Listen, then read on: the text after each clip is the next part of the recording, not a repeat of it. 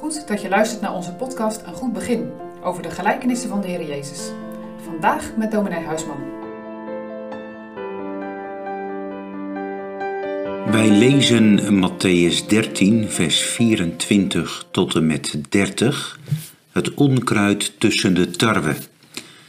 Een andere gelijkenis heeft hij hun voorgesteld, zeggende: Het koninkrijk der hemelen is gelijk een mens die goed zaad zaaide in zijn akker. En als de mensen sliepen, kwam zijn vijand en zaaide onkruid midden in de tarwe. En ging weg. Toen het nu tot kruid opgeschoten was en vrucht voortbracht, toen openbaarde zich ook het onkruid. En de dienstknechten van de heer des huizes gingen en zeiden tot hem: Heer, heb gij niet goed zaad in uw akker gezaaid? Van waar heeft hij dan dit onkruid? En hij zeide tot hen: Een vijandig mens heeft dat gedaan. De dienstknechten zeiden tot hem, wilt gij dan dat wij heen gaan naar datzelfde vergaderen?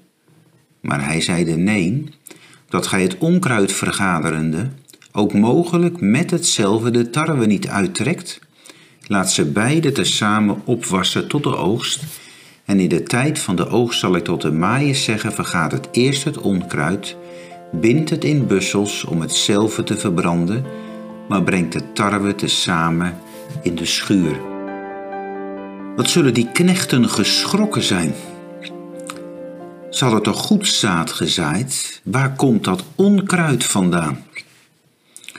En dan verklaart de Heer des Huizes dat het onkruid gezaaid is door de vijand. S'nachts, waar niemand het zag, is de vijand gekomen en heeft onkruid gezaaid in het gewas. En nu willen de knechten dat onkruid uitroeien, want wie laat nu het onkruid samen met het goede gewas opgroeien? En dan het wonderlijke antwoord van de landman: Nee, dat moeten jullie niet doen. Want als je het onkruid eruit trekt, dan is ook het risico aanwezig dat je de tarwe eruit trekt. Laat ze samen opgroeien tot de oogst.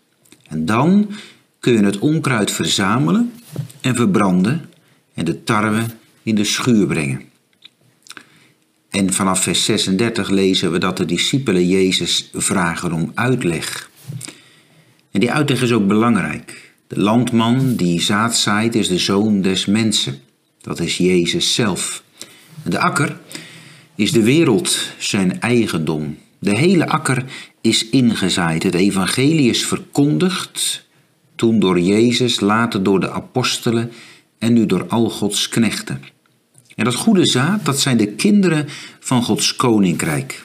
Om het eenvoudig te zeggen, waar de prediking van het woord tot bekering heeft geleid. Dat is ook de betekenis van wat we lezen in vers 26. Het kruid wat opschiet en vrucht voortbrengt.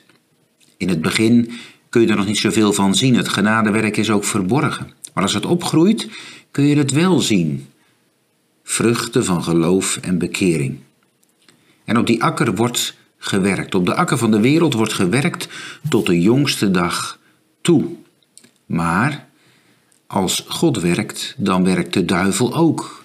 Want waar God zijn kerk bouwt, bouwt de duivel de kapel ernaast. De duivel zit niet stil, heeft maar één doel: Gods werk vernietigen. Hij haat de landman. Dat er goed zaad gezaaid is, kan hij niet uitstaan. Hij probeert dat goede zaad, de vruchten van aan te tasten. Nee, hij komt niet direct, hij wacht tot het donker is, als iedereen slaapt. En dan de troost, dat tarwegraan kan hij niet meer uit de akker halen. Daar waakt God over. Dat zal hem nooit lukken. Daarbij is het ook donker. Maar hij gaat anders te werk. Hij haalt ook zaad uit zijn schuur en zaait dat in de akker, midden tussen het tarwezaad. En hij slaat ook geen stukje over. Wat een bijzondere situatie is dat. Dat ze beide samen opgroeien. Maar wat betekent dat onkruid nu? Dat zijn de kinderen des bozen. Worden die dan gezaaid? Dan moeten we bij een gelijkenis altijd opletten op het ene centrale thema. Al het andere is ter illustratie.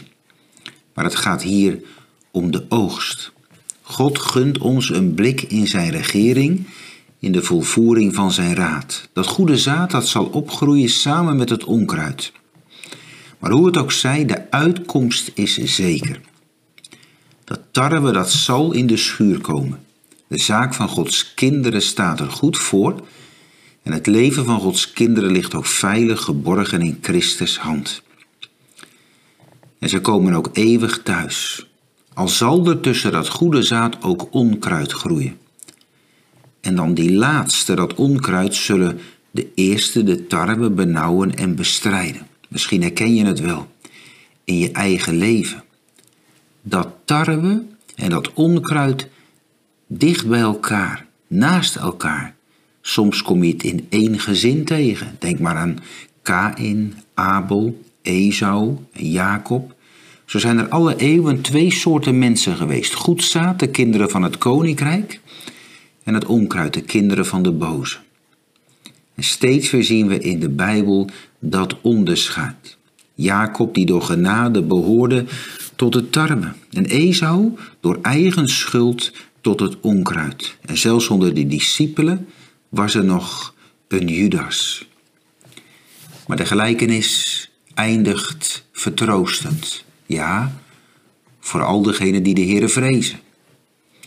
Dat is geen onkruid. Nee, die worden in de schuur gebracht. En dan schittert ook in deze gelijkenis Gods eeuwige zondaarsliefde. Want die schuur die komt helemaal vol van tarwe. Alles tot verheerlijking van God. En daar is geen onkruid meer te vinden.